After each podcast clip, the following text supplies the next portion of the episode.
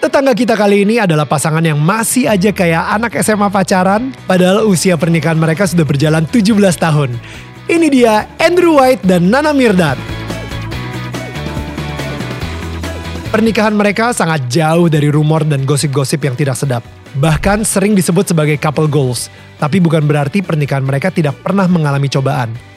Di balik harmonisnya rumah tangga mereka, tetap saja ada ujiannya. Di sini, Andrew dan Nana akan menceritakan bagaimana pengorbanan yang mereka lakukan bisa menyelamatkan pernikahan mereka.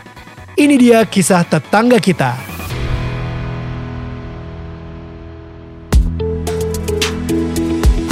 Ini gua Daniel, tetangga kamu. Di sini gua akan ngobrol dengan tetangga gua tentang perjalanan hidup mereka dari kacamata spiritual di saat mereka mengalami situasi tidak pasti dan kekhawatiran sampai bisa kembali bangkit menjadi orang yang lebih kuat dari sebelumnya. It's gonna be very exclusive and inspiring.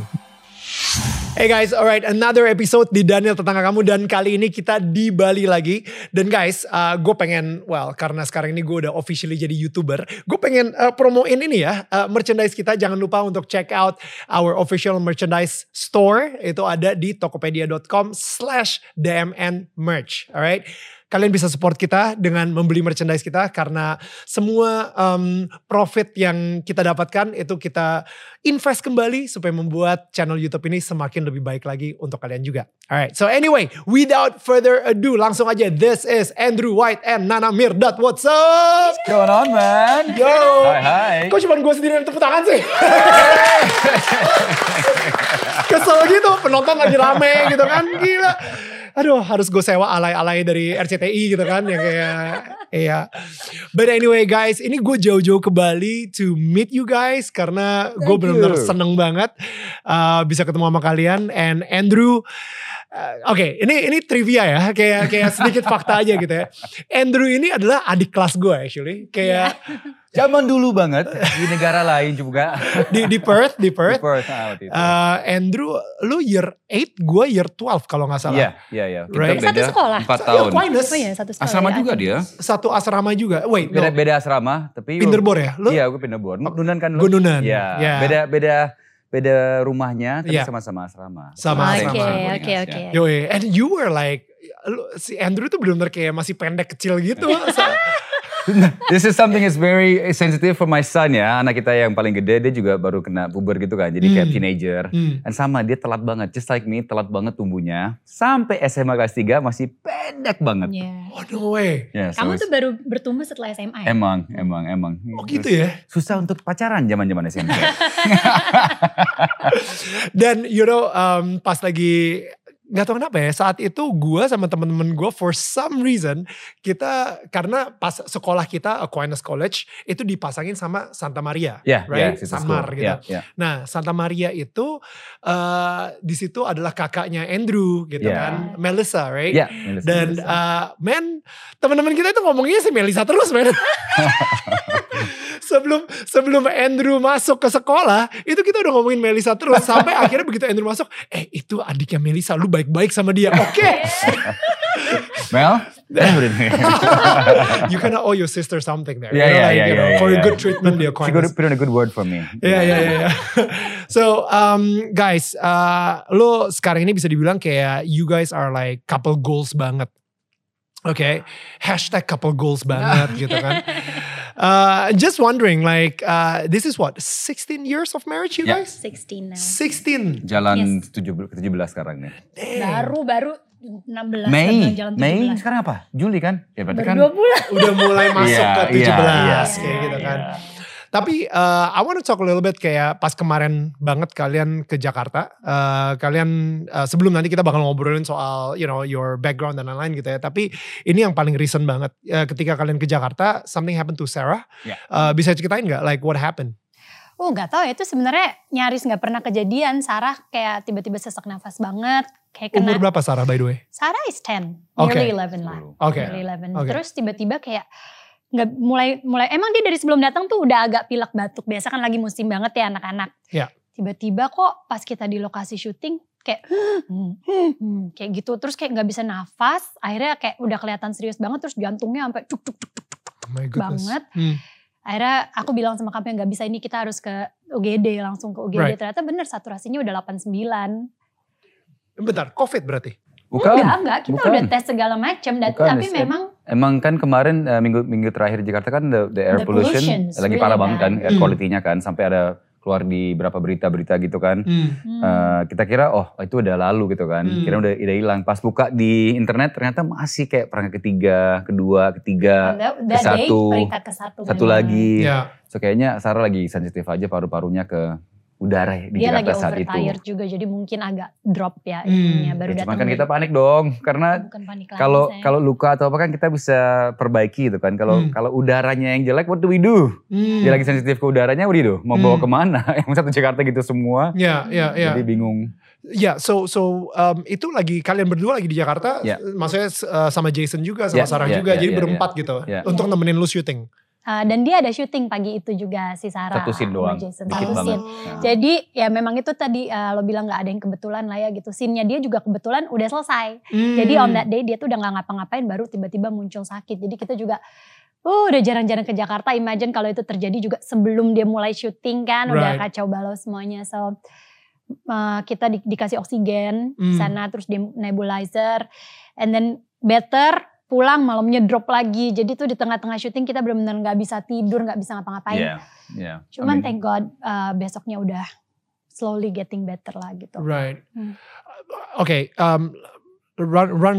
Uh, let let's let's run through uh, that that moment gitu ya karena um, kalian sebagai parents apalagi Sarah juga umur 10 11 tahun gitu. What what can you do? Maksudnya benar-benar uh, yang lu bisa lakuin cuma doa aja gitu saat itu gitu. Yeah, at the moment Iya. It felt apa ya helpless. Well, I think also it, it, it- you feel helpless tapi kan senggangannya kita ada team effort gitu kan. Hmm. Jadi kan kalau misal dia sendiri ngurusin pasti pusing. I find it myself nggak bisa juga. So at least kita we I try and we we use each other's energy gitu kan. Dia lagi uh, uh, stress banget soal Sarah lagi drop, oke give me Sarah. Jadi aku lebih tenang my, my heart gitu kan, lebih tenang buat Hmm. dia. Tapi untuk basically to get through it together we, we really needed each other juga Karena help each other get through it. Hmm. karena gue It tuh is orangnya heavy. gue tuh orangnya panikan, Hmm. panikan banget gitu loh. Hmm. Kalau ngeliat yang kayak gitu, kalau anak sakit tuh kayak udah langsung, oh gimana? I'm Itu- persis banget. No, persis banget sama gue sama istri gue. Hmm. Istri gue sangat calm banget. Gue panikan. gue yang benar-benar lebih kayak gitu gitu. Gue kayak iya asli gue. Ini gimana? Ini gimana? Gitu. Jadi uh, istri gue yang lebih udah udah santai ya santai ya. Calm down, come on, Hmm. chill the f up. You know, like, you know, cuman maksudnya kayak uh, lu mungkin di situ udah take authority, take control banget dong. Or Well, well kan kalau kayak gitu kan anaknya anaknya pun kan they don't know what's happening kan. Right. Mereka nggak tahu apa yang mereka rasain. Kok gini rasanya? Why am I panicking juga anaknya kan? Dia we have nangis nangis, nangis nangis, minta udara katanya gue bilang, what? please, I need air, I need air, udah gitu terus di sepanjang Oh. jalan gitu. Oh, gila, Can you imagine as parents kayak ngelihat kayak gitu tuh kan kayak oh my Iya. god kayak bisa ngasih gue aja yang gantiin gitu loh. Ya. Di, di situ juga kan di Jakarta bukan eh, tempat tinggal kita ya. So Hmm. means dan dokter kita kan di Bali, bukan di Hmm. situ. Rumah sakit kita sering datang kan di Bali. Hmm. Jadi lebih anxious lagi. Waduh, bawa ke mana nih? Nggak tahu gitu kan. Hmm. Lagi di syuting di mana. Sampai kita nyari di mana nih browsing rumah sakit terdekat kan kita udah away from Jakarta udah cukup Browsing lama. juga mana yang paling bagus tahu. Yang mana yang paling paling Yang ada dekat tuh yang divisi mana? anaknya ada nggak gitu kan? Kan bisa ada depan anak beda lagi kan cara Right. nanganinya. Hmm. Right. So it was okay. It was it was it wasn't okay. Tapi maksudnya, I think you just have the the kepercayaan bahwa things will be okay gitu kan. Things we Hmm. will get through this. We will get through Oh. this. And I it gives you. it I think the you- hardest part for me sebagai orang yang anxious banget ya gitu. Hmm. Itu how to stay calm in front of your children. Uh. When when that happens karena kita tahu nih mereka nih because mereka bakalan reflect whatever Ya. action kita gitu. Hmm. And to stay calm itu sebenarnya padahal kita kayak udah gemeteran banget tapi we Hmm. keep saying to them it's okay. You know, Oh, tapi dia ngomongnya oke. It's okay sayang. okay. It's udah okay. gitu. Mana mau beli? Mana mau beli? It's okay sayang. Mana sih mau beli? I'm like, honey, you go over there. Sini Sarah, sini. Go away. Karena anak-anak making me iya, panic iya, juga. iya, It's iya, like, iya. Dia suka honey. marah tuh kayak kayak gitu. You're making me panic. Padahal kata gue kayak No, I'm already calm. This is me calm. Just like you. I am, I am, I am calm. Stop shouting. I'm not shouting. so that's why I said you need each other. We need each other. Right. Definitely need each other. Dan kita dari dulu juga nggak pernah pakai babysitter atau, atau gimana kan. So we know our Wow. kids very well. Wow. We know exactly how to help them. We know exactly what Right. they're feeling. Jadi nggak sesuatu yang alien ke kita apa gimana kan. Right. So at least we we we knew how to help her, not just physically, tapi juga secara mental juga. Gimana cara bikin dia nggak panik, nggak nggak over juga gitu. Really? Got to talk to her, sit down, look at me in the eyes, tell me, look at me, breathe, breathe. Say to me, I'm a strong girl. I'm a strong girl. Try it again, breathe with me, kan jadi kayak tenangin dia. You gitu were kan. doing that? I was doing that the whole time. She sit on me and look at me, right, look at me. We breathe together. Say I'm a Wow. strong girl. Just say I'm a strong girl. I'm a strong. I'm a strong girl. Okay, let's do it again. Like, sedangkan dia udah mulai dari belakang tuh. Udah Gak, lari-lari Udah juga lari. lebay abis. Udah. Gak lagi lah. Gue mau ada. Dan Andrew calm down, calm down. di, di depan lukisannya tuh pakai watercolor ya, di belakang ini animenya dia. di depan nih kalem kayak watercolor gitu kan. Da- Dan um, at that moment gitu, have you ever kayak for your, maksudnya kalian sendiri udah married, uh, sekarang ini udah hampir 17 tahun gitu. Wah, bukan hampir sih, baru Menjalani 17 tahun. menjalani Oke. 17 tahun, right? Jadi during that time ada masih ada gak sih kayak saling blaming, saling kayak man gara-gara lu sih suruh kita ke Jakarta and stuff like that. Was there any discussion about that? Uh, I think hubungan apa pun, you know, e- even if it's not intimate ya, masih hubungan soal bisnis, hubungan apa pun, hubungan sama sama anak, hubungan dengan apa, pasti ada rasa ego ego kita yang keluar yang kayak, oh this is gara-gara ini, gara-gara Hmm. itu, gara-gara apa, we blame, we try to blame things human nature gitu kan. Right.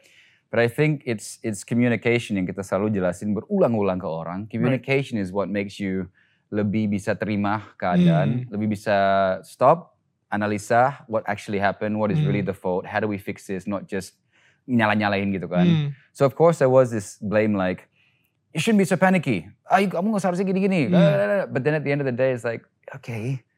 Gue kesel loh sama dia waktu waktu ini maksudnya dalam topik ini ya gitu. Yeah. Pada saat itu terjadi tuh Topik ini rasanya doang.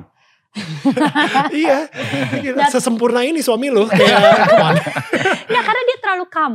Hmm. Jadi kayak buat gue malah sebagai seorang yang kayak udah vulnerable banget saat itu tuh ngerasa kayak yang you don't understand what I feel. gitu. Hmm. Malah kayak this is not a calming situation gitu. Hmm. What- How can you be that calm itu ternyata kadang-kadang bisa ngeselin juga gitu. Dan itu Hmm. sampai sempat kayak gue masih bete ngelihat dia karena kan paniknya as a mother nggak hilang-hilang gitu. Sempat Hmm. bete kayak kayak tapi akhirnya lama-lama gue mikir lagi, oke, let's rethink this Hmm. situation. Hmm. Kenapa gue marah sama dia gitu? Hmm. Gue marah sama dia ternyata because I think about me.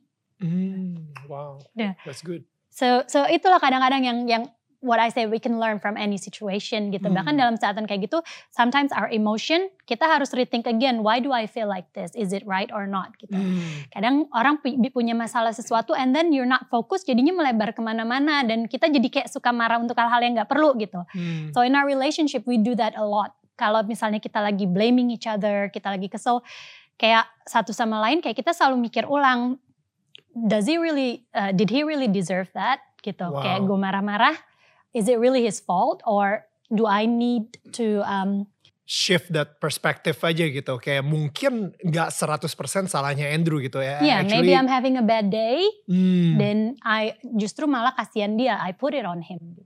But, but, but tapi uh, also you have to understand doesn't bukan selalu begitu loh. Doesn't mean it's always kita harus uh, say actually I can do better, I can do better, I can do better. If you are upset, if you do feel kekecewaan gimana kan, it's okay untuk nyampein juga gitu loh. You can Hmm. also say to them, hey, you know that was really I wasn't happy about that, you know. Hmm. Dan kita bisa komunikasi. If you never kalau nggak pernah nyampein juga kan jadinya nggak pernah berubah, nggak pernah belajar. You don't Right. learn from the mistake apa gimana kan. Yeah. I think that's one of the keys about any relationship yang yang sukses or yang bisa jalan dengan benar is good communication. Communication. That's so terus ngomongin-ngomongin gimana-gimana. Dan maksudnya what I noticed tadi ya, lu ngomongnya, hey uh, I wasn't happy. Gue tadi nggak terlalu seneng ketika lu ngelakuin ini. Instead of you always do Yeah, that. yeah, you know, yeah, itu yeah, udah yeah, condemning yeah. banget gitu Yeah. ketika lu ngomong ke pasangan lu kayak you always do this to me and that's why I hate it atau apa kayak gitu. Tapi lebih ke ngomongin situasinya when you said um, gue nggak terlalu happy ketika lu tadi terlalu calm dan Yeah, you know yeah. and uh, you know mungkin lu uh, raise your voice so that I I'm not panicking misalnya kayak gitu. Uh, tapi instead of you always do this to me and bla bla bla. Karena um, menurut gue itu udah mulai blame sama condemning sih kalau misalnya kayak gitu. Tapi Yeah. lebih kalau misalnya I wasn't happy itu kayak udah ngomongin feeling aja gitu. Because kan yang bikin kita yang nggak happy kan kita. Betul I, I can't control your emotions gitu kan, but I can Hmm. control my emotions. I So can't good. control your reaction, but I can control my reaction. Hmm. right Jadi kita omongin ya, aku nggak suka pas kamu gitu. Aku Hmm. nggak gimana pas kamu gitu. It's different too. Kamu selalu begitu. Wah, I And can't also control it's you. Hmm. it's a it's a bad start to uh, bad way to start a communication karena berarti you don't want a communication you just want to be heard Ooh, Wih, yes. Bu, sangat dewasa bu. Gila. Buset. Yo, that's so good. Gila. That's so good. I know, that's so good. Benar. Jadi it's it's not about uh, apa ya? Lu udah masuk ke dalam sebuah uh, komunikasi dengan kayak you know what? I'm gonna win this debate. I'm gonna win this argument. You know, you wanna be heard, right? Kayak dia harus dengerin gua, dia harus berubah. Itu udah a, a- a bad start in in starting Emang. communication. Dad always told me ada ajaran yang sangat bagus. Untuk orang menikah lama, apalagi untuk laki-lakinya, Mhm. choose your battles. Apa? Nggak perlu semua argumen kita menang. Biarpun kita benar, nggak perlu kita menang that's karena actually good I like that choose choose your battles untuk menang perangnya, to win the war. Sorry, ini kita ngomong ke laki-laki ya, bukan ke istri ke ya. istri. Ya, just, Karena uh, just saying. Bisa aja kita menangkan ego-ego kita kan. Enggak, saya emang bener. Oh kamu nih gini-gini. Pas sudah menang, ha, ha, Yeah. ha, kok gak enak ya? Uh, honey, you okay? Uh, ya, jadi nggak Wow. jadi jadi malah drop gitu kan. Ya, ya, ya. Choose your battles. Hmm. No, that's good. Because gue percaya banget, biarpun suaminya yang menang, tetap aja pernikahannya kalah, Hmm, that's a good point right? Hmm. Jadi atau istrinya menang, ya pernikahannya kalah gitu. Maksudnya eh, lu you- lu nggak akan menang anyway gitu. Yeah, Jadi ya, ya at the end of the day, lu harus mengalah supaya pernikahannya menang. Amen. And that's the that. that's the hard Yeah. part. Is there something you want to share with us, Daniel? Uh, yeah, that's, that's a lot. Actually, that's a lot. that's a lot. Yeah, but that's that's benar ben- benar sih itu because in marriage kalau kita sadar that we're a team, it's Hmm. not about who wins gitu, Hmm. but it's about uh, membiarkan the marriage wins, not Hmm. us gitu, not us, us individually. Kita nikah kan ya mudah-mudahan selamanya. Amin. It's not 10 years, 20 tahun, 30 tahun, tapi kan selamanya. Hmm. Jadi ya kita lihat aja investasi kita nggak mungkin mau gimana gimana gimana kan nggak mungkin bikin keputusan yang drastis drastis banget kalau kita Ya. tahu investasinya seumur hidup gitu kan. Ya. So same thing kita juga investasinya eh, pernikahannya ya seumur hidup. Hmm. Jadi ya we find ways untuk bikin relationshipnya berhasil gitu. How do you guys fight for your marriage? Karena banyak orang tuh mikir kalau marriage itu sebenarnya just go with the flow, everything will be okay. Um, how do you guys put an effort gitu ya untuk really fight to keep the marriage strong? Um, Ngerti gak? Gimana caranya untuk kayak iya Ya. what to I what, think what small when you- things do we do? I think when you stop fighting, then the marriage malah jadi berantakan gak sih? Because it's something you have to work for. Oh, kok, kok malah berhenti berantem? bukan malah bukan berantem? fighting berantem, fighting for your marriage gitu Oh, maksudnya. oke. ya, Karena marriage it's a it's a non-stop commitment. Jadi bener-bener ya kita harus work on it every time gitu. Kita harus bisa baca situasi, he- uh, kayak ngelihat suami kita nih lagi apa sih, maksudnya is he lagi dalam keadaan up atau down gitu kan. Hmm. Jadi and we how do we always balance it gitu. Hmm. Kalau misalnya situasinya lagi fine-fine aja, it's okay you go with the flow. Ya, Tapi kalau kan lagi fine gampang, right? Hmm. Pas Hmm. lagi gimana itu yang susah. Hmm. hmm, and yeah, how you balance each other itu sih. Um, Oke, Uh, Nana sendiri kan datang dari keluarga Hmm. di Indonesia misalnya. Andrew datang dari keluarga yang super bule lah, Ya, you know, nyokap pun Indonesia Ya, tapi kebule-bulean. lebih ke bule-bulean Iya. gitu kan. Nah, jadi sebenarnya itu kan ada culture shock sendiri gitu. Your um, Nana Na- uh, Nana punya past seperti apa dan Andrew juga punya past seperti apa gitu. Um, kadang-kadang ya di pernikahan kita ngerasa bahwa no no orang tua gue selama gue hidup selalu ngajarinnya seperti ini. Dan begitu juga dengan Andrew padahal at the same time um, kita juga lagi membuat sebuah keluarga baru Ya. yang mungkin this becomes like the third culture jadi mungkin first culture-nya dari keluarga Andrew second culture dari keluarga Nana and this is you guys have the third culture gitu ya. apalagi with uh, your parents yang udah divorce juga gitu so lu gimana cara mendapatkan um, ilmu pernikahan yang baik dan benar? Hmm. Hmm. It's a good question. Gimana ya? I, mean, I think ya just like everything, we take the best out of both sides aja gitu. Apa yang bisa kita Sure, ambil? but what, what do you know is the best sides? Kalau itu itu aja kita tahu kan. I mean, you you feel what's right for you nggak sih? Kita Hmm. itu balik lagi ke komunikasi. What do I like about your side of the family? Apa yang Andrew suka from my side of the family? And which value yang bakalan kita keep? Hmm. Jadi kita foundation kita sebagai family juga harus jelas gitu Hmm. kan. Kita harus tahu kita mau membentuk seperti apa sih what's allowed and not allowed in our own. Hmm, that's so good. Yeah, but I also think secara uh, bicara gampang ya, we, Hmm. we take the best. But the hard thing is to untuk uh, uh, hadapin keluarga kita sendiri lagi dengan cara kita yang baru. So it's like, Right. uh, kamu kamu gitu sih?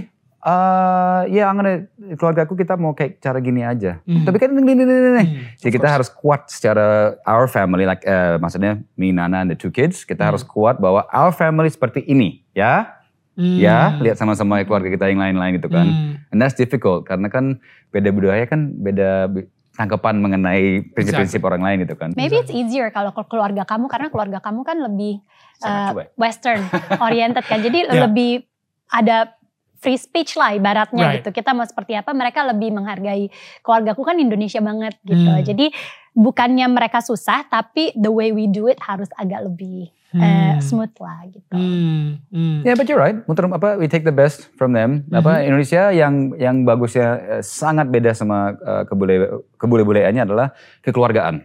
Di Hmm. Indonesia kan keluarganya masih prioritas segala Ya. macam. Sedangkan bule kan udah dewasa lagi sana jauh-jauh segala macam kan ngumpul sekali-sekali itu Ya. kan. So that's something yang aku hargain banget dari keluarga Nana, apa Hmm. keluarganya. Tadi you guys said uh, fondasi. Oke, um, banyak orang, you know, kita kita kalau misalnya kerja di sebuah perusahaan, mungkin kalau misalnya lu sendiri uh, ada perusahaan juga, you you always know the company's vision and mission, Mhm. ya nggak sih? Visi dari perusahaan tersebut untuk apa, misinya seperti apa dan lain-lain, sehingga semua staff ngerti juga gitu. Tapi kadang-kadang kita lupa untuk membuat visi dan misi buat keluarga kita. Hmm. Makanya lo um, untuk pernikahan kita bahkan gitu. Gue sama istri gue kita sering ngobrolin banget what's our vision and what's our mission for this marriage Hmm. gitu. Dan gue sendiri bahkan secara individual gue juga punya my my own vision and mission. Nah, uh, I'm just wondering tadi kan lu sempat ngomong soal fondasi. What is what is the fondasi yang membuat kalian ya mungkin ini this is like you know kita prosesin aja gitu. Uh, fondasi dan juga boundaries yang Oke, ini ini udah saklek banget. This is the White's family uh, foundation gitu. Apa ya sayangnya? Kalau, Um, kalau oh kita wow sangat dewasa ya Pak Daniel ini ya. Uh, gue lima tahun lebih tua dari lu soalnya. Kita pernikahan pun ada visi-visinya, kita belum pernah bahas mal. Eh, I think go back berapa langkah. Kayak kayaknya fondasinya kita, kita pernah apa eh, diskusi segala macam. Fondasi kan butuh banyak hal untuk bikin dia kuat gitu kan. Mhm. I think the first thing yang kita selalu omongin adalah kepercayaan. Hmm. We have full trust for each other. Kita nggak Yeah. pernah ada eh, cemburu apa ini ini itu itu itu dan kalaupun ada kita diskusiin gitu kan. There's, Wow. there's never ever ada kayak apa ya kayak, kayak cemberut-cemberutan atau gimana gitu. Hmm. Dan kita benar-benar bukan ngomong doang tapi benar-benar full ada kepercayaan masing-masing gitu kan. Hmm. Um, we have good communication. Kalau ada kepercayaan, ada komunikasi, it builds a really strong pilar-pilar untuk eh, anything yang datang ke, ke, ke kehidupan kita Hmm. kita sangat terbuka. We always talk about anything that happen. Misalnya ada apa-apa, kita selalu ngomong. Hmm. Uh, and the visi misi kita ya, I think secara nggak sengaja is basically our kids. Kita Hmm. full kehidupan kita tanpa kita diskusi, tanpa kita pernah ada visi misinya, tapi ya, everything we do is for them. Tapi Hmm. also aku rasa di luar anak-anak juga kita tuh benar-benar value our relationship juga gitu. Jadinya Oke. Kalau ada waktu, kalau it's, ada- it's all for the kids. It's all waktu for the kids ya. Saya bobo ya, ya udah tidur. udah gak ada waktu udah capek makanya kita masih make effort yang seperti itu loh maksudnya kayak masih harus ada date night masih That's harus good. ada liburan bareng because we believe kita berdua is also very important gitu Hmm. dan the kids feel of us juga kan. ya mereka kan Hmm. ngeliat gitu dan kalau aku sih mikirnya just try to be the best example for them gitu because Hmm. kids learn by seeing That's good. jadi um, I think about their future, we think about their future. Kalau misalnya kita ngelihat kita nih di rumah berantakan suka teriak-teriak satu sama lain and and they're gonna be that person nantinya Hmm. ke depannya gitu dan itu yang berusaha kita jaga jaga banget juga ya kayaknya as a fondasi, fondasi misalnya we don't fight in front of the kids Hmm. kayak nggak pernah but kita we let them see us argue Hmm. Sometimes. Uh, uh, that's so good. Artinya apa tuh? Maksudnya Kadang- argue sama fight. ya, saya I- juga pengen tahu nih. Sometimes I cannot tell the difference. Tingkat kayak- suaranya aja. ya, ya maksudnya kita teriak-teriak tuh enggak, enggak ada Oh. teriak-teriak depan Hmm. anak-anak. Tapi kalau uh, gimana maksudnya kan kita kadang suka arguing gitu. Ini benar, itu enggak gitu. But how do Hmm. we do it in a nice way so children can also uh, bisa ngelihat that argue can be healthy as well. That's gitu. so good. That's so good. Ya, Hmm. it's uh, kayak tadi yang lu bilang tuh kayak dari keluarga Andrew mungkin agak-agak free speech gitu. Jadi Hmm. sebenarnya kalau misalnya mau mengutarakan sesuatu nggak perlu takut. Iya. You Iya. know, uh, untuk untuk bisa dan jangan takut juga untuk di debate gitu misalnya Iya, karena learning from your parents gitu. Selalu kita everything with the kids biarpun Yeah. mereka masih ke dari mereka kecil kita selalu diskusi apa pun sama mereka. With Hmm. everything we discuss everything with them. We talk about them about uh, highs, lows, apa yang Hmm. mereka suka, apa yang mereka keberatan, soal society kayak buat apa gitu kan. Wow.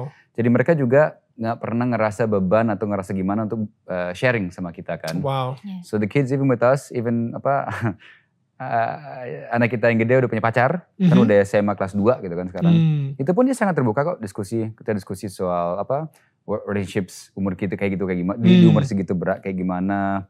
Eh, dia mau ajakin apa dinner ke mana ya yang misalnya bisa ajak yang masih bagus gitu kan kita ajarin. Oh bukan ajarin, kita diskusi sama dia. ajarin sama ngajarin. ajarin cara ngedate gimana Eh. gitu ya. Itu malah kebalikan sih nggak mau tahu dia. Yeah, there's something I don't want to know. Exactly, Ya udah mulai cringe gitu kayak "Eh, Daddy stop. Mamanya aja nggak bisa tuh, oh, pegang-pegang tangan. Ya, iya, it's okay honey. Oh, Itu babyku, my baby. We discuss everything with them. Wow. So, so that they feel also, apa, eh, kita persiapkan mereka for the real world, right? Right. Daripada Hmm. tiba-tiba kuliah di luar atau gimana, tiba-tiba, wow, what's going on? Ini gimana caranya? Ayo. I think itu sih satu yang selalu mama kamu ajarin aku ingat gitu loh sampai sekarang. You have your kids tapi itu tuh untuk how do we prepare them for the real world. Bukan Hmm. hanya selalu untuk dibawa ketek kita terus gitu. That's loh. good. That's So, good. setiap kali kita uh, bingung what to do with them, we always put that into consideration. That's so good. Yeah. Because I think uh, parenting it's like the art of letting go ya. yes. Karena suatu saat Yeah. you like it or not, we will let go of our kids gitu. Hmm. Jadi it's very quick. uh, for you guys ya. Ya, ya, ya, ya. For ya. me masih ada ya lima tahun lagi. Oke, jadi um, gue setuju banget sama Nana tadi bilang kalau misalnya um, anak-anak kalian itu bakal nyontoh banget sama kalian. Of course. Di mana uh, ketika misalnya bokapnya itu teriak-teriak misalnya gitu, misalnya ya, I, I know you don't gitu, cuma maksudnya kayak uh, bentak-bentak dan lain-lain. Uh, kalian kan punya anak uh, Jason sama Sarah gitu, which is like cowok sama cewek. Yeah. Yang cowok mikir it's okay to treat my Hmm. wife Mhm. like that. yes. Dan yang cewek, it's okay to be treated by Like my future husband like that. Jadi emang uh, paling benar adalah ketika kita mempunyai anak-anak kita, ya orang tuanya itu harus solid banget Ya. sih. Emang dan itu yang sulit banget gitu karena we know um, the way your daughter is gonna be treated like a princess atau your son is gonna uh, apa gonna take responsibility like a like a prince gitu misalnya, itu based on you guys gitu. Emang. Kayaknya kita memang memberi contoh buat anak-anak tanpa disadarin on what they will allow and not allow in their life. That's Gitu good. Sih? Dari Hmm. dari seeing how their parents treat each other. Ya. Ya. Ya kan, so it's it's very kadang kita nggak sadar tapi yang kita lakuin sekarang sehari-hari every single second matters gitu. Yeah, they Yeah. see everything. They see They see everything. everything. That's good. And we Yeah. have one chance untuk gedein mereka kan. Ya ini bukan Hmm. sesuatu yang bisa di repeat lagi no, gitu. we have one childhood. Jadi Hmm. uh, we have to Hmm. do it properly. Dan uh, they could see the real vulnerability pas kemarin pas lagi Sarah itu sih I think Hmm. yang di Jakarta itu like you know you were panicking and everything cuman at the same time like uh, gue yakin banget Jason juga akan nyontoh your calmness Hmm. with Sarah gitu Hmm. kan you know uh, dan eh, you know I think you handle it really well gitu listening from your stories Hmm. gitu ya um, but ya gue kita mulai masuk nih ke arah ketika orang-orang bilang kalau misalnya kalian ini adalah couple goals banget gitu Hmm. buat banyak orang itu pressure gak sih buat kalian? Uh, I don't know. You can answer. ah, gue udah gini-gini, dia udah gini. Sebenarnya kalau pressure enggak, karena memang kita tuh bukan tipe yang ya mudah-mudahan ini juga untuk seterusnya ya gitu. What you see from us is is ya memang nggak ada yang dibuat-buat lah gitu. No, Maksudnya yeah. kita berusaha banget untuk ya we are who we are gitu. Hmm. Kayak barusan ya gue bilang kalau gue kesel sama dia ya gue kesel gitu loh. Hmm. Cuman dan dia juga sebaliknya. Hmm. Jadi kalau dibilang pressure enggak, cuman kita justru ngerasanya kayak I I I don't think kita We don't do anything different. Kayaknya bukan hal yang spesial apa-apa yang kita lakuin. I think it's just semua yang kita lakuin hal-hal yang Because we do have ups and downs, lots of Normal, ups and downs juga, just like Mhm. normal people gitu. Kayak orang bilang berantem gak sih kak gitu, we do fight. Dan Mhm. kita sering bilang kok, maksudnya guys we do fight, kita sering berantem apa gimana gimana, bukan Hmm. berarti kita selalu happy. No, Hmm. no, no, no. Hmm. Di Instagram aja lah postingnya yang selalu happy. Aneh juga soalnya kalau di Instagram, you know kayak kalau misalnya di Instagram kita mulai posting lagi marah-marahan, lebih parahnya lagi curhat ke follower kita kalau kita lagi marah sama pasangan kita. Iya. Itu childish menurut Iya, gua. iya, iya, iya, iya, emang, iya. emang, Like emang. what for juga gitu. If you Hmm. have problem, communicate it with your spouse, Hmm. not with the rest of the world gitu kan. Exactly. Exactly. Uh, so- social media juga I think uh, kalau emang uh, kita ada image yang kita buat, it's not us. Right. Itu bisa bertahan paling setahun, dua tahun. Tapi nggak Hmm. mungkin bisa bertahun-tahun, tahun-tahun gitu kan. So I think benar saya benar. We don't really feel any pressure karena emang this is us. We, Hmm. we are doing what we, who we are gitu. Kita nggak Hmm. pernah buat-buat, nggak pernah Malah sengaja sewa apa fotografer untuk kita foto yang di pinggir pantai nggak ada kita mah gini-gini aja pakai hand tangan gitu kan ya, malah kita tuh kadang-kadang suka gini kayak kalau disuruh lagi syuting atau apa gitu yang kayak romantis-romantis tuh malah kagok gitu loh. Kayak kaku, aduh Nanti bisa gak sih romantis. gak usah gitu-gitu banget gitu. Karena in real life we we don't really do that gitu. Tapi bukan berarti aku gak sayang ya maksudnya. Kayak what are you doing honey? You're ruining it. You're ruining the image. Sayang, sayang enggak kok gitu kuncinya. Hashtag couple goals udah Udah, mulai couple kayak, goals. ah, yes. ya kadang kan kita gimana gitu kan rasanya. Iya, iya, gitu. iya. That's not normal for us. Bukannya kita sok hebat, but that wasn't normal for us. That was very Yep. low and and and uh, tadi kita sama diskusi sih slow apa pun kita oh, I don't know about Nana but I've never ever thought uh, untuk divorce lah atau mikir ya hidup sendiri kayak gimana ya atau nggak Hmm. pernah slow apa pun I always think how do I make this work gitu kan Hmm. nggak nggak pernah aku mau ninggalin it's, it's, uh, what we have is is for me is, is all I need is perfect gitu kan Hmm. jadi nggak pernah ada pikiran untuk oh kalau cari istri baru gimana ya? Mungkin hidupku lebih bagus ya. Kalau aku pindah ke sana gimana ya? Nggak pernah Hmm. kayak gitu. I never had that. I never had anything Wow. like that. Wow. Kamu? Apa tadi topiknya? Wow, satu tuh jadi ini gitu gitu. enggak enggak emang emang enggak sih gitu jadi kita tuh benar-benar ya udah kok balik lagi ke komitmen itu kali ya gitu Hmm. jadi ya I'm gonna be with him for the rest of my life hopefully Mhm. and dia juga itu balik eh, berpikir yang sama dan ini balik lagi ke trust yang tadi makanya akhirnya trust itu bisa bisa tumbuh buat satu sama lain gitu Hmm. Jadinya How did you respond? Like akhirnya tadi kan ini ceritanya cuma sampai udah cold cold dan habis itu Oh udah iya, mulai snapping dan lain-lain gitu. But like akhirnya apa yang terjadi sampai akhirnya kalian balik lagi? uh, Kalau you know. pada saat itu eh, yang yang terakhir kemarin ini sih memang pada akhirnya harus ada yang ngalah gitu Dan Siapa yang ngalah? Oh, karena gue pengen bilang ya. yang ngalah itu usually is the mature one. jadi dia gak mature. Kan ada up and down-nya dong semua orang. Bener gak? No. Langsung defensif begitu. Defensif Langsung, banget, langsung. Balik lagi, happy wife, happy life. Nggak, dia inget banget waktu itu dia lagi marah. Abis itu abis kita diem-dieman sekian lama. Abis dia ada keluar dari gym. Di rumah kita ada gym kecil. Right. Terus langsung aku lagi masak. Terus dia yang langsung kayak just looked at me. Terus dia bilang, you know I I want to be with you. Gitu.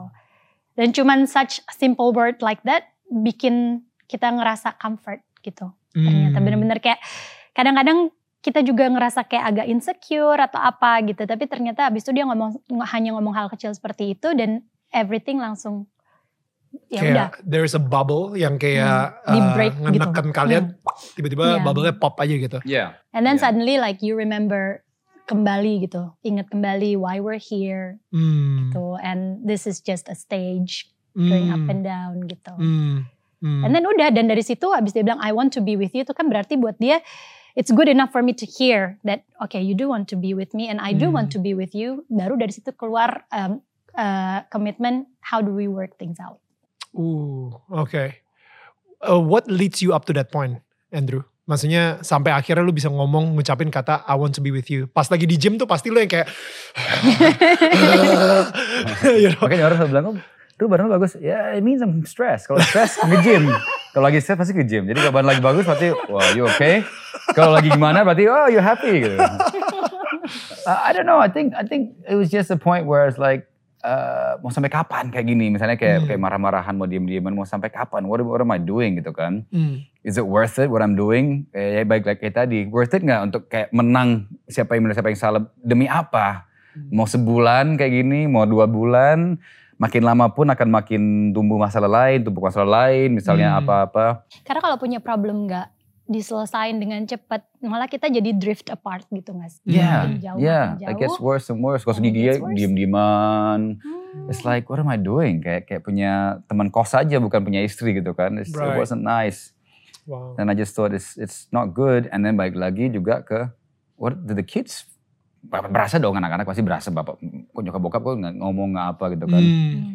So I, I just thought this is just this ini konyol, this is very immature gitu kan. Hmm. So ya udah, I just sat down and said, look, let's just start from zero. Bukan start from zero, tapi let's go back to the basics.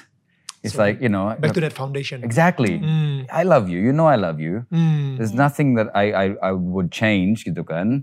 Mhm. Um, I, I hope you love me back the same way I love you gitu kan. But Hmm. I can only tell you what I feel. Hmm. This is what I feel gitu kan. And then dia juga keluarin, then we try and find a, a similar path. But it's simple to say, Hmm. dan setelah udah terjadi gampang nanti kita untuk ngomongin, oh waktu itu gini doang. Hmm. But untuk mulai, apalagi buat cowok, Ya. bukan bedainnya. But for men, kita Ego nggak- kita Iya. ketinggian sih. Hmm. And emosi sebagai cowok tuh nggak sama secara emosional with women. Women are very easy untuk ngomongin emosinya segala macam. Cowok are very gengsi, very Ya. gimana kaku lah gitu. Ya. Jadi untuk mulai duluan buat cowok tuh susah banget. So to Hmm. say, I'm sorry if I hurt you gitu kan. Hmm. I do want you. You're my you're my world gitu kan. How do you how do you respond to that? Susah, Ya. Ya. but it, it takes some few simple words untuk ya buka jendelanya itu. Bukan pintunya, jendelanya dulu dibuka biar ada angin Hmm. masuk and then you start speaking about it gitu. So good. Gue pengen encourage juga nih mungkin uh, kalau cowok yang lagi nonton ini um, atau mungkin lu kenal seseorang yang mungkin uh, pernikahan mereka pun juga lagi mm, lagi apa sih uh, dingin-dinginan dan lain-lain gitu ya. Maybe you can share this video karena gue ngerasa emang jadi seorang laki-laki itu gue gue pernah ngerasain juga soalnya untuk ngomong ngucapin hal pertama I'm sorry atau mungkin uh, ngasih comfort ke istri kita bahwa hey gue nggak akan pernah ninggalin lo. I love you. Yes, ini cuman sebuah stage di mana kita lagi nggak enak-enakan, but it's not gonna be forever. Um, itu susah banget rasanya karena cewek itu pada akhirnya they just need um, sebuah konfirmasi bahwa dia itu disayang sama dia itu secure Yes. you know suaminya itu akan terus ada buat dia. Cuman kadang-kadang cowok itu lupa. Kita kita jarang ngucapin itu gitu. Tapi ya, bukan berarti uh, bukan berarti harus selalu dan selalu selalu diucapin gitu. Dan Hmm. ini juga untuk para perempuan di luar sana gitu. Ya. Kita juga harus punya value ke diri kita sendiri juga loh gitu. Mhm. Untuk untuk bisa gini, maksudnya suami kita cuek, Hmm. orangnya cuek, tapi jangan hanya selalu lihat dari luarnya aja. Is he really cuek karena he doesn't love you atau is he really cuek karena memang ya dia orangnya seperti itu. But you Hmm. sometimes you also have to believe that he loves you gitu. Hmm. And you have to believe that you're doing enough for Hmm. him gitu. Jadi kayak balik lagi ke masalah trust tadi gitu. Hmm. Andrew bilang we we trust each other, nggak ada yang gimana-gimana. Aku akhirnya bisa punya uh, trust ke dia karena aku juga selalu bilang sama dia, look, I'm doing everything for you and the kids gitu. Hmm. And kita berdua sama-sama sudah dewasa. gitu. And it, it's up to you. Comes to a point Yeah. where you're going to appreciate that or not. Hmm. Gitu. Wow. Yeah. yeah. You're a little bit lebih tua gitu kan. Mhm. Ya, Just a little bit, berapa bulan berapa- lah gitu berapa kan. bulan gitu ya? Iya, Iya, ya, iya. berapa bulan lah gitu. Ya, eh, 60 bulan. 60 bulan. Cucu, cucu mobil. A- And makin dewasa kan you you, you realize eh, baik lagi the the goals you have like you said before right which where you going towards Hmm. but sometimes kita harus jangan terlalu dewasa and realize that we are still people and people Hmm. still needs uh, nourishing butuh di Nourishing ya. apa pohon masih perlu disiram-siram disiram lah gitu kan terus. And gitu. laki-laki kita kadang-kadang we as you said we get very uh, dumb uh, bisa dibilang gitu kan. Hal yang kecil kita suka lupa gitu. Hmm. Kadang-kadang anak bisa bilang hal kecil. When was the last time we went out for dinner gitu kan? Hmm. Oh iya ya.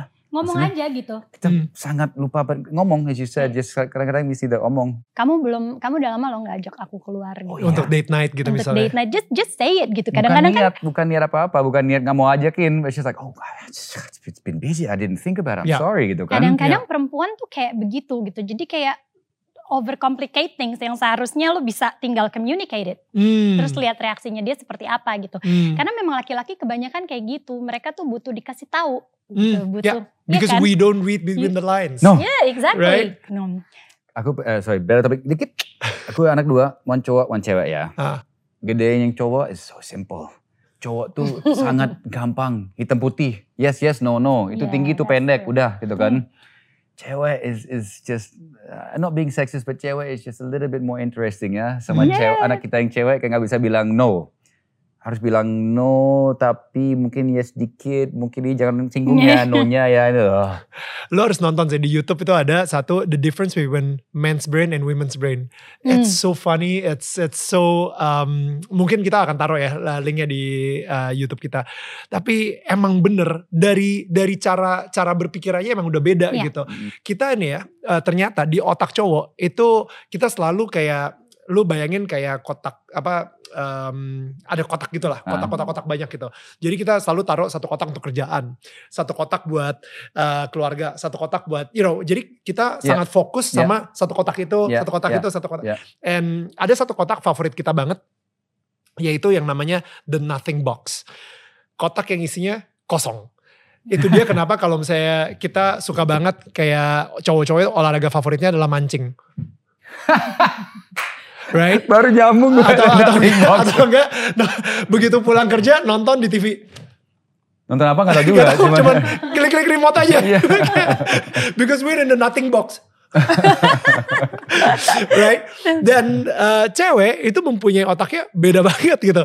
Dia emang neuron ke sini ke sini Emang, emang. you gotta really watch that uh, YouTube video and and Okay. you will go like ah Iya, dan iya. ketika kita lagi di nothing box kita lagi misalnya nonton TV gitu ya ambil flicking switch uh, apa switching channels gitu and everything itu istri tuh kadang-kadang suka tadi kerjaan gimana hmm oke lah Hmm. you know nah kita kan soalnya kita lagi di nothing box Iya, bukan niat tapi gimana-gimana exactly kan. istri bilang jangan-jangan dia wait kenapa dia cuek banget sama gue Ya cewek kan, Iya begitu kan. langsung kayak Nah. gitu. Padahal gue pengen curhat banget nih tentang ini. Tapi kenapa dia cuekin gue gini? Wah jangan-jangan dia lagi marah sama gue. Kenapa ya? Kemarin karena gue gak masakin dia. No. Tapi dia bilang, Emang. Panjang banget cewek memang. soalnya 10 tahun yang lalu gue pernah bikin salah sama dia gara-gara. Yeah, yeah, I agree, I agree, I agree.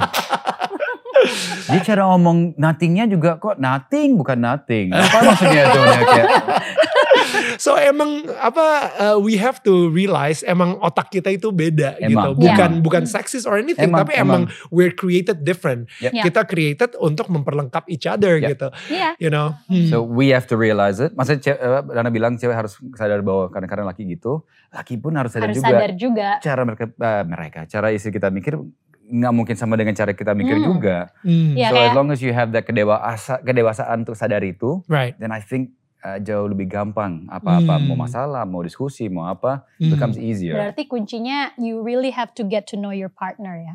The way they Hmm. think, the Hmm. way But they you, you never, respond. you never really know 100% kan, selalu belajar gitu. nggak That's pernah why you selesai. communicate gitu Yes, ya. that's why you communicate. Hmm. That's why you Hmm. communicate. Hmm. Iya. So tadi kan eh, lu sempat mention dikit gitu ya, lu bilang kayak um, that's why sebelum nikah, ketika lu mau nikah, buka, pertanyaannya bukan how do you live without him, tapi how do you live with him. Yeah. Nah, jujur kalau gua sendiri, hmm, mungkin gue baru tahu alasan gue mau menikah itu setelah empat tahun in marriage. Hmm. you know, ketika gue empat tahun nikah sama istri gue, gue baru ngeh, man ternyata menikah itu enak ya. I mean like Hmm. it it really transform me. Um, gue akhir pada saat itu perspektif gue berubah karena di awal gue menikah banget. Alasan gue menikah itu salah gitu. Hmm. Gue menikah gara-gara peer pressure. Hmm. Karena teman-teman gue yang umurnya udah 29 Yeah, 30-an, yeah. mereka nikah, guanya kok belum nikah Yeah. gitu. Uh, nanti dipertanyakan lagi sama orang apakah gue suka cewek atau enggak. Uh, Yeah, abis yeah, itu yeah. gue di uh, ditanyain terus sama bokap nyokap gue kapan nikah kapan nikah kapan nikah. Kok Daniel nggak laku-laku. Yeah, yeah, Uh, yeah, you know yeah, peer yeah. pressure. yeah. Akhirnya whoever siapa pun yang ada di ping, di di di sisi gue saat itu, Saat itu, ya. gue nikahin, Yeah. right? Yeah. Nah untuk kalian sendiri, kalian nikah umur 21. 21. Dua-dua? 21. ya? 21. Punya Jason 22 berarti Oke, kan. oke, oke. ya, ya. It was so long ago that you forgot. Yeah. Yeah. so now you know who's old ya. You still remember, he doesn't. Jadi um, I don't know ya. Sekarang ini kalian udah ketemu nggak? Kenapa alasan kalian menikah? Kenapa Tuhan mempersatukan kalian bersama-sama? Waktu kita umur 21 kan kita udah ngerasa dewasa kan. Kita kan ingat Ngerasa masa lalu. dewasa. Pas Ngerasa kita banget, 21 ngerasa wah gue udah And then now kita gitu lihat kan. anak 21 tahun kayak Kayak bayi banget gitu kan. Tempeleng Iya kayak aduh bocah banget nih. But waktu itu I had my own, udah punya rumah sendiri, udah lunas segala macam, udah punya usaha, udah punya in my mind udah punya segalanya yang dibutuhkan untuk nikah gitu kan. Terus eh ya baik lagi berasa udah dewasa, berasa kayak oh I'm I'm ready untuk nikah. And then merasa bahwa I think I met the right one gitu. And Tapi kita satu tahun pertama itu kacau balau ya sayangnya. Maksudnya satu karena karena kan kita juga ya itu balik lagi kita menikah masih muda banget gitu kan dan pada saat itu kita juga um, of course belum terlalu tahu each other gitu di saat muda karena kita sendiri juga kadang masih labil nggak sih usia segitu tiba jadi satu usia tahun segini juga masih. ya jadi di usia di setahun pertama terus kita langsung punya anak itu tuh kayak wow tiba-tiba life was so different gitu Hmm. dari yang kita single Yeah. punya anak You gitu suddenly become a mother. suddenly become Yeah. a mother, he suddenly becomes a father, terus kayak aneh aja, it's like culture culture shock mungkin tapi kan Right. dalam konteks anak gitu, konteks marriage, and uh, that was tough. Tapi um, abis itu tahun kedua mulai getting better. Kita Hmm. jadi kayak mulai di dalam pernikahan tuh menurut gue jadi kayak selalu ada tahapan perkenalan ulang, perkenalan Hmm. ulang gitu loh Ooh, yeah. dan akhirnya tahun kelima apa ketujuh ya drop lagi Mhm. gitu Hmm. mulai drop lagi terus kayak ke orang kenalan lagi gitu tapi kuncinya Oh, adalah wow. mau terus saling mengenal satu sama lain Hmm. gitu What happened di tahun kelima ketujuh? Gue, I, I, cause I have to be honest, kayak eh, di pernikahan gue tahun kelima ketujuh itu um, lima menuju ke enam actually itu saat terberat di pernikahan gue, Yeah. saat terberat. Um, yeah, so what happened uh, di uh, pernikahan kelima, apa tahun kelima? Ah, kayaknya itu mungkin itu saat-saatnya aku sering ke Jakarta Iya ya pisah kita. kita pisah karena kita kan Hmm. udah pindah ke Bali Hmm. terus gue tuh masih ngambil kerjaan di Jakarta jadi selama 9 bulan waktu itu gue tuh cuman pulang ke rumah kadang dua minggu sekali satu hari Wow. yang kayak gitu kan Iya. dan Andrew sendirian ngurus anak di Bali. Uh, pada saat itu masih ada Jason doang dan it was it was, It was tough. tough, karena- Akhirnya Karena bu- ngurus, we had a, a restaurant hotel, malam sampai pagi lagi harus bangun Yeah. lagi. Jadi capek banget ngurus Jason. And pastinya kan we want pendamping. You want someone to, anak udah tidur, somebody talk to itu malam-malam gimana kan. Yeah. So it was tough. And dia pun kan kalau syuting tahu sendiri, kebalik hmm, jam-jamnya kan. jamnya Jadi aku bangun pagi dia belum masih baru pulang syuting apa gimana. Hmm. So it was like I didn't have a pasangan. Kayak Hmm. kayak nyaris nggak bisa Single ngobrol siang-siang, nggak bisa Hmm. apa. Yeah. It was tough, it was really tough. Dan pada saat itu jujur aja komunika- komunikasi kita belum di tahap yang yang solid Sekarang ini. yang yeah. kayak sekarang nggak Hmm. seperti itu. Jadi it takes years juga buat kita Hmm. to build something like yang what we have sekarang gitu Yeah. loh. Nggak itu Yeah. nggak terjadi secara instan. It takes a Hmm. lot of work juga. So what came out um, out of that argument di tahun kelima itu uh, supaya again harus ada seseorang yang ngalah.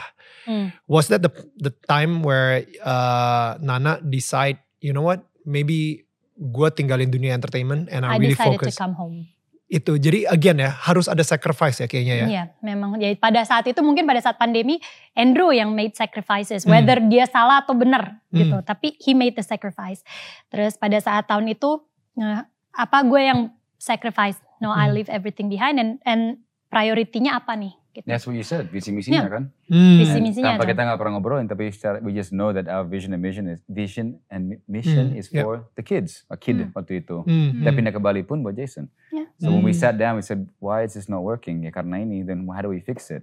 Ya, Hmm. focus on Jason. Maksudnya ke Bali. Ya akhirnya pulang ke Bali dan pada saat kita ke Bali pun kan ya kita nggak bisa dibilang otomatis secara income dan lain-lain juga of course beda ya kalau Hmm. dibanding dengan pada Syuting. saat dulu syuting Jakarta, setiap ya. hari. Hmm. As you said di di Bali tuh slow pace banget gitu Hmm. dan gue juga struggle sendiri tuh pada saat itu gimana dari gue yang terbiasa fast pace banget tiba-tiba langsung ke Bali gitu. Right. Itu juga sebenarnya banyak kayak pergumulan di dalam diri sendiri juga. But then Hmm. pada saat itu ya itu balik lagi komitmen. No. I'm going back home Hmm. and we're going to work this out. Hmm. Udah. Dan slowly things were getting better dari Hmm. situ, terus makin get to know each other. Akhirnya sampailah ke 16 tahun pernikahan ini and Hmm. hopefully sampai nanti-nantinya lagi. juga. Amin.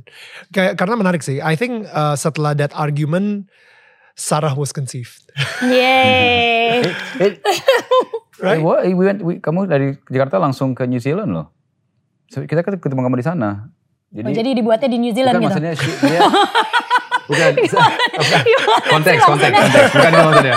Jadi maksudnya eh, dia lagi syuting episode terakhir dia langsung terbang ke New Zealand. Hmm. And then I met Nana di New Zealand sama Jason. Aku ngajak Jason berdua gitu kan. Hmm. Ketemu di New Zealand. Loh, loh, kalian di mana saat itu? di Bali, di Bali. Di Bali, oke. Dia di Jakarta. Dia Oke, ketemu New Zealand di- buat kerjaan lo atau kerjaan Nana? New Zealand emang libur, kita mau liburan. Oh emang liburan, oke. Jadi dia ketemu dia eh, episode terakhir langsung terbang ke New Zealand, aku langsung terbang ke New Zealand juga Right. ketemu sana. And that's when we, you said, like, like you said, that's when like we decided to stop everything, bla bla bla, pindah ke Bali, Hmm. change the jalurnya diberubah gitu kan. Kita mau kayaknya Wow. dari sini kita ke sini deh.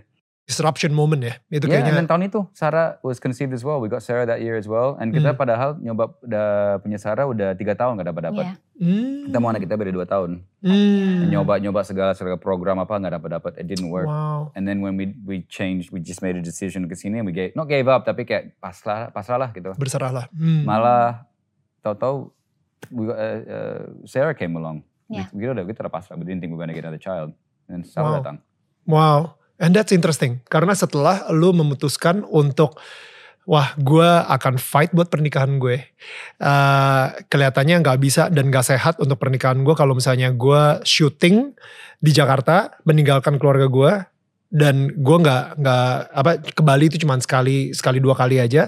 Dan di situ lu ngerasa, no no, you know what? Um, itu kayaknya ada sebuah keputusan sih. Eh, pastinya nggak gampang. Kayak tadi lu bilang ada pergumulan dan akhirnya lu memutuskan untuk balik uh, dan menjadi seorang um, mother and and and wife uh, full time untuk ninggalin the entertainment world. That was really hard dan akhirnya kayak Tuhan mengizinkan untuk oke Sarah here it is Hmm. kayak gitu to give to give Sarah gitu to you guys. Yeah, I never thought about it that way actually. I never thought about it.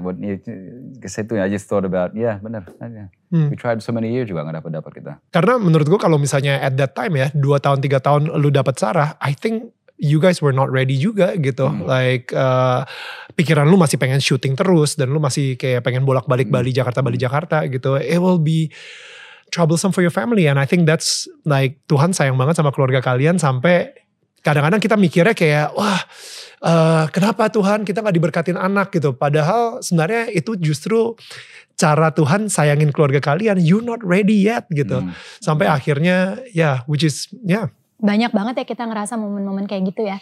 Saya di mana kayak you want something tapi kok nggak dapat dapat gitu. And then tiba-tiba kayak malah pintu sini tutup, pintu di sana tutup, but it's actually just God's way untuk ngarahin lo ke sini, lewat ke sini, and then everything happens uh, in the perfect timing. Yeah. hmm. Yeah.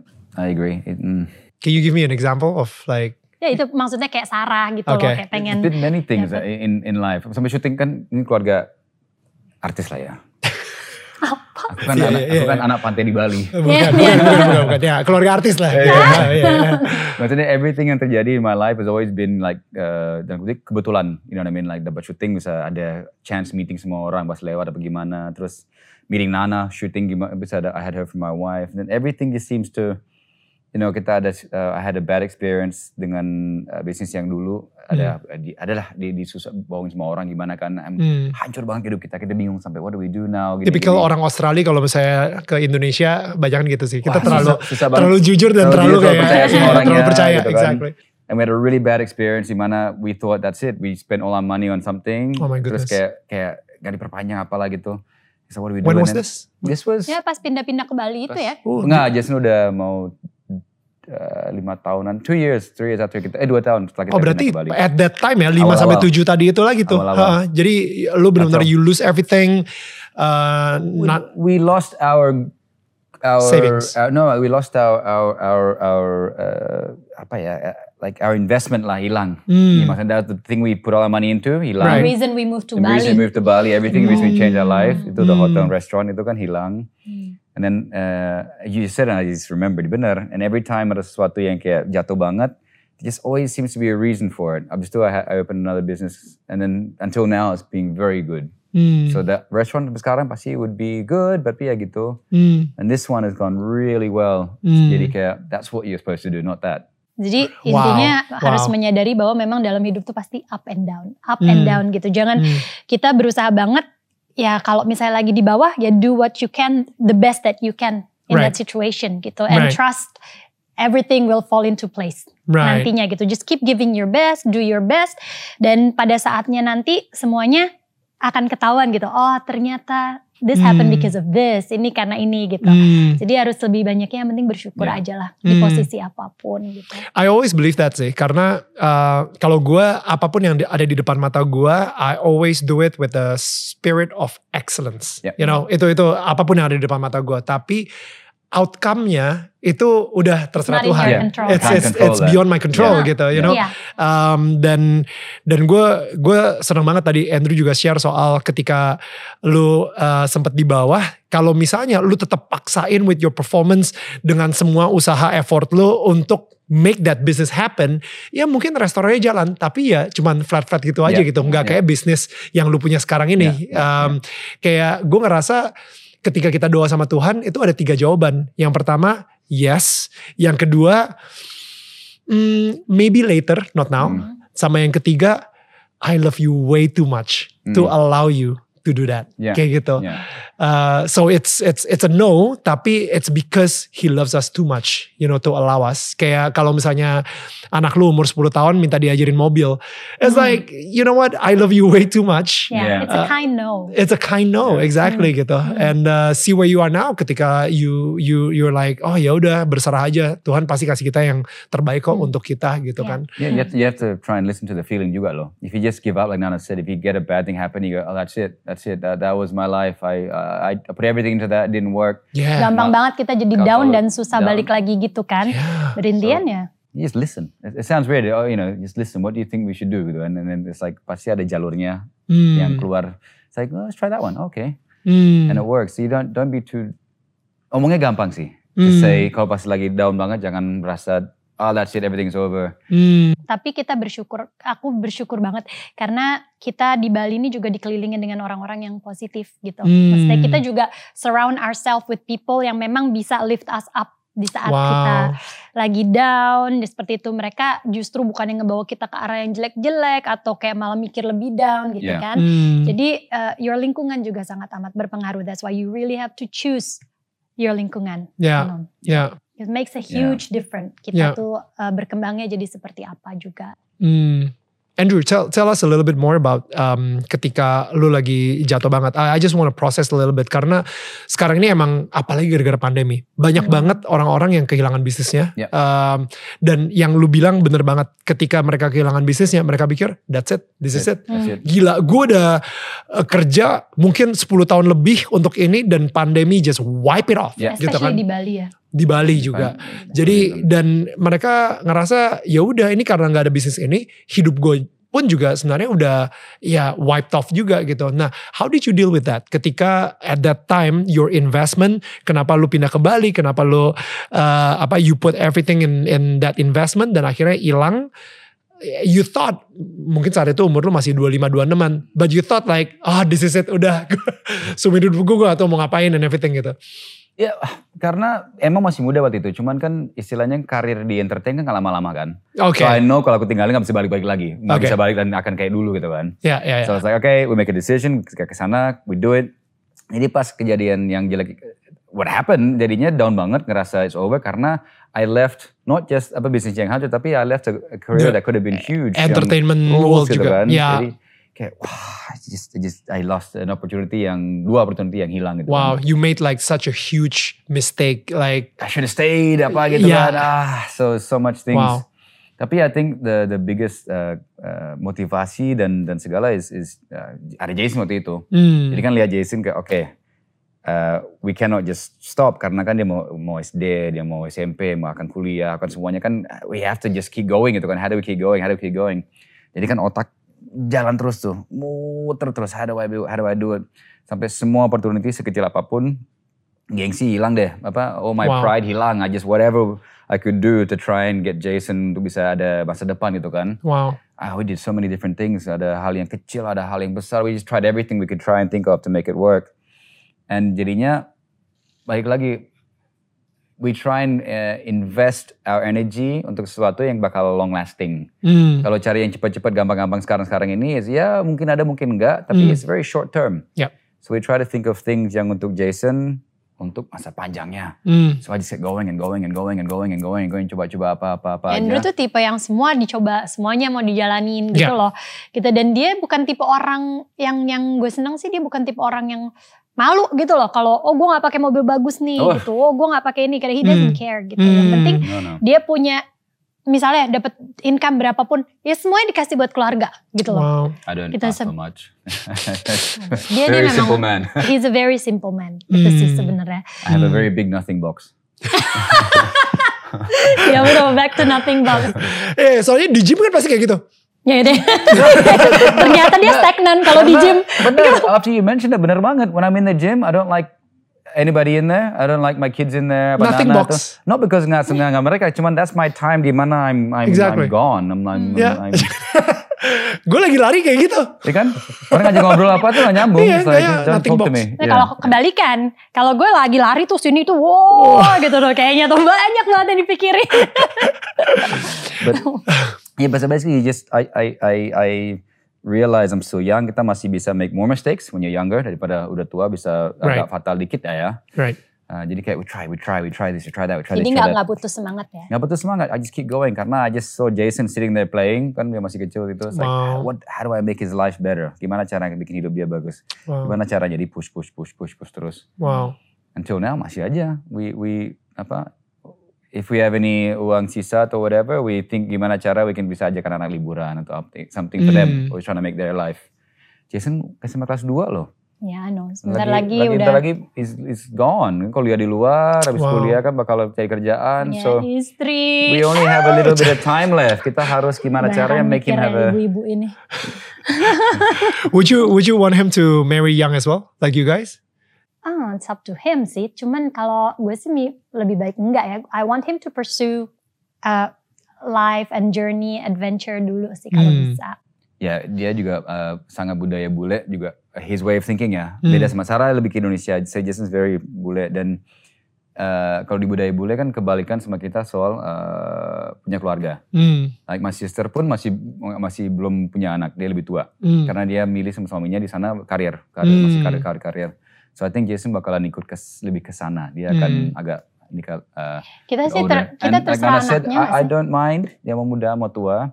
Dia ada first hand experience kalau nikah muda kayak gimana kita bisa jelasin susahnya, the gampangnya. Hmm. My sister nikah agak berumur, so she can also talk to him. Dia dekat sih with my sister, Right. auntie Mel- auntie Melissa. Hmm. Bisa jelasin ke dia juga nikah apa lebih tua kayak gimana, the pluses and minuses. Hmm. So Oh ya. Nggak ada yang benar, nggak ada yang salah kok. Yeah. Nikah muda, nikah muda bisa kalau kalau you can do it if I you think- have the ego and you have the pride. I think go what they want to do itu udah it's up to them. Yang penting tugas kita how to prepare him to become, you know, a man. Make sure kalau pada saat dia menikah, hopefully dia sudah be responsible, udah bisa Hmm. ready to provide for a family gitu. Hmm. Yang penting itu aja. What a story. Guys, thank you for listening to this podcast. Tapi tenang, ini baru part pertama. Masih ada part selanjutnya. So, biar kalian gak ketinggalan, yuk di follow dulu. Ingat ya, Daniel tetangga kamu.